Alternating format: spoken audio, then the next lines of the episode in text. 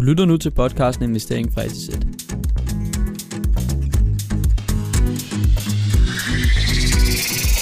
Hej og velkommen til den her episode af Investering fra ETZ. Og i dag, der skal vi snakke om noget, som også lidt omhandler udlejningsejendommen. Det er bare lidt på en anden måde. Det er nemlig REITs. Og det er Real, Real Estate Investment Trust. Og på dansk betyder det ejendomsinvesteringstillid. Og det er et selskab, der ejer og finansierer indkomstskabende fast ejendom. Og det er lidt, øh, hvad skal man kalde det, det er lidt en, en aktiebaseret måde at investere i ejendom på. Fordi at det gør det nemlig muligt at investere i en ejendom, eller rigtig, rigtig mange ejendomme er det faktisk, øh, gennem meget, meget mindre bidder, end hvis du nu skulle ud og købe et rigtigt hus. Altså her, der skal du ikke ud og finde en egenkapital på 20% af husets værdi. Her, der ligger du det, som den koster, som den er udbudt til.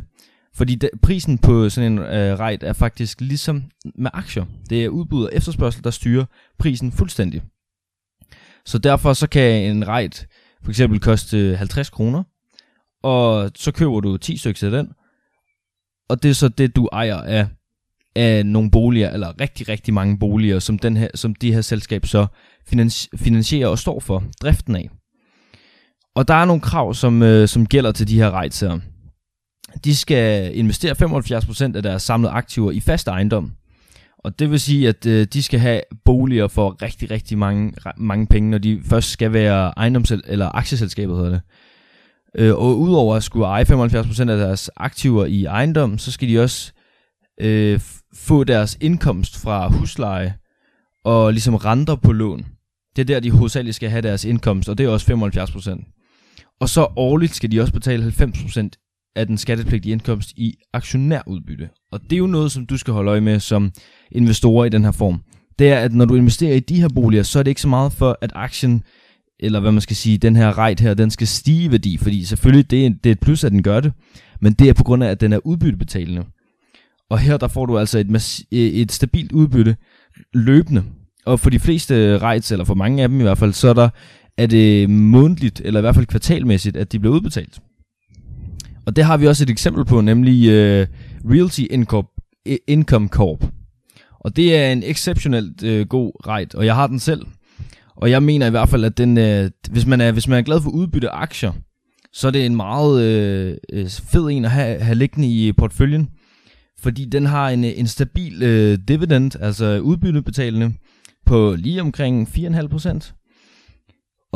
Altså, det er noget, som har været consecutive stigende, siden de øh, kom ud med den her i 92, mener jeg det var. Og så har de en rigtig, rigtig, rigtig stor portefølje. De ejer altså øh, 6.500 øh, ejendomme, som er på long-term lease.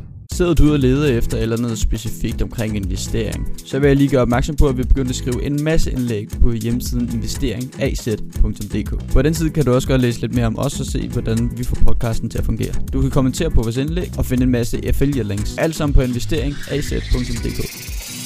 Og noget af det, der også er interessant ved den, det er, at, at ligesom udbyttet, når vi kigger, vi sidder lige her og kigger på en graf, så kan vi se, at øh, i 94 var det, at øh, de kom ud med deres, øh, deres rejt her, og der lå deres udbytte per aktie på lige omkring 1 dollar om året. Og her i 2021, der ligger den på næsten 3. Det vil sige, at den er faktisk næsten tredoblet på Ja, på godt og vel 30 år. Og prisen på sådan en, på rejden her i Realty Income Corp, den øh, ligger på lige omkring i talende fod måske 68 dollars per styk. Så man kan sige, altså udbytte i forhold til aktiens værdi, det er jo sådan rimelig stabilt, vil jeg mene.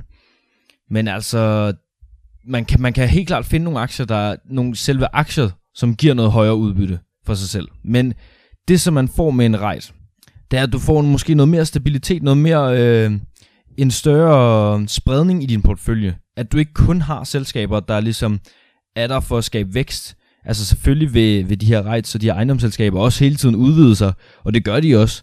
Men det er mere, de vil gerne skabe et stabilt øh, udbytte og en stabil indkomst, fordi de er jo faktisk bare selskaber, som ejer større portefølje af ejendommen. Det vil sige, altså de her fordele, du får ved at købe de her rejts i stedet for en decideret bolig, det kan man jo så sige, at det her med, at du ikke behøver den samme li- øh, likviditet, som Magnus snakker om, og du får den her store spredning. Samtidig med, at det her øh, firma, som du investerer i, det skal altså stadig overholde de her regler, der er for selskaber, så de skal altså, de skal altså udgive et regnskab hver eneste år, og, og derfor får du også noget øh, transparency, altså noget, øh, noget gennemsigtighed med, at du ved præcis, hvilke penge der er, der går hvor, og, øh, og så videre, og så videre. Og så har du også det her stable cash flow, med at du hele tiden får udbetalt, måske hver eneste måned, øh, mindst per kvartal, som Magnus også sagde, og så kan man så snakke om cons, altså øh, hvad der lig- ligesom er imod, ikke? Det er det her med, det er low growth. Du har ikke investeret lånte penge. Det betyder altså, at du ikke er, har nogen leverage på. Du er altså ikke gearet på nogen som helst måde. Så du får altså kun det her ja, cirka 5% øh, udbytte hver eneste år, i forhold til en 30% udbytte, øh, som vi så på vores case i sidste episode. Ikke? Så er der også det med, dit udbytte, det skal du betale skat af hver eneste gang, du får det. Øh, hvorimod at en ejendom, der skal du ligesom kun betale skat af overskuddet ved, at du selv bruger den her virksomhedsordning, som jeg har også snakket om. Yes, og så for generelt set lige at opsummere, hvad en rejt egentlig gør for dig som investor. Altså det er jo, at du får mulighed for at investere i mursten på en aktiebaseret måde. Og det er med så, så få funds som overhovedet muligt. Altså man kan sige, den her, som vi lige tog, øh, Realty Income Corp her, den koster 60 dollars cirka. Og hvad er det? Det er 300 kroner. Altså 300 kroner for at være en del af nogle ejendomme. Det er nok det billigste, man overhovedet kan gøre det. Og her er det jo, at du tjener på udbyttet.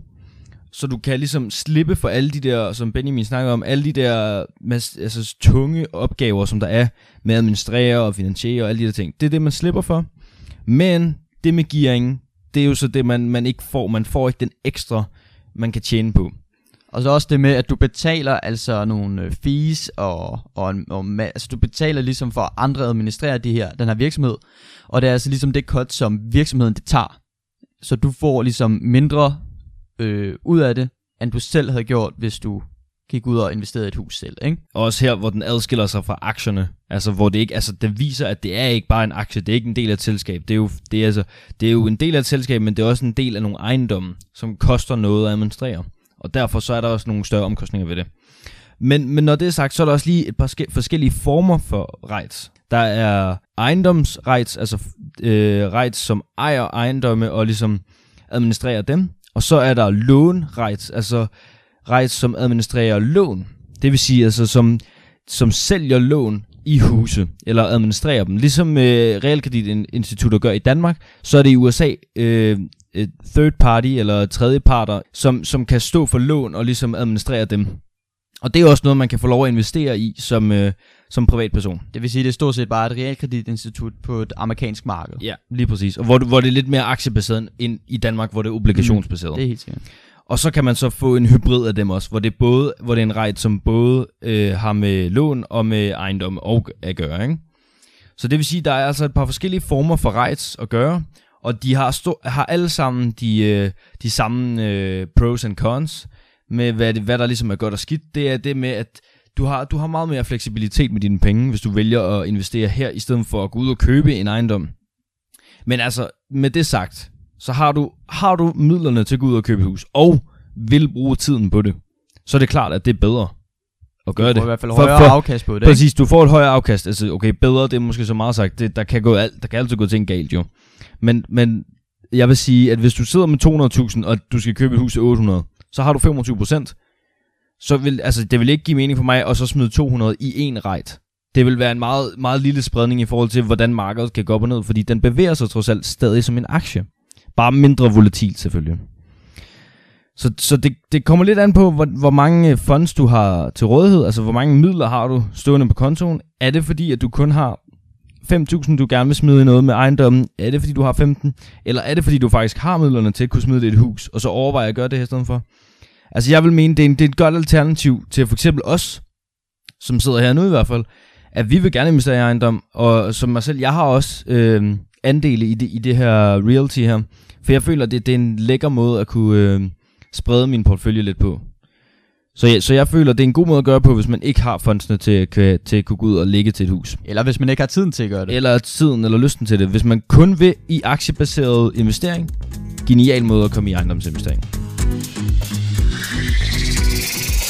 Hvis Hvis du kan lide investering fra A til Z, så husk, der kommer en ny episode hver mandag og hver fredag.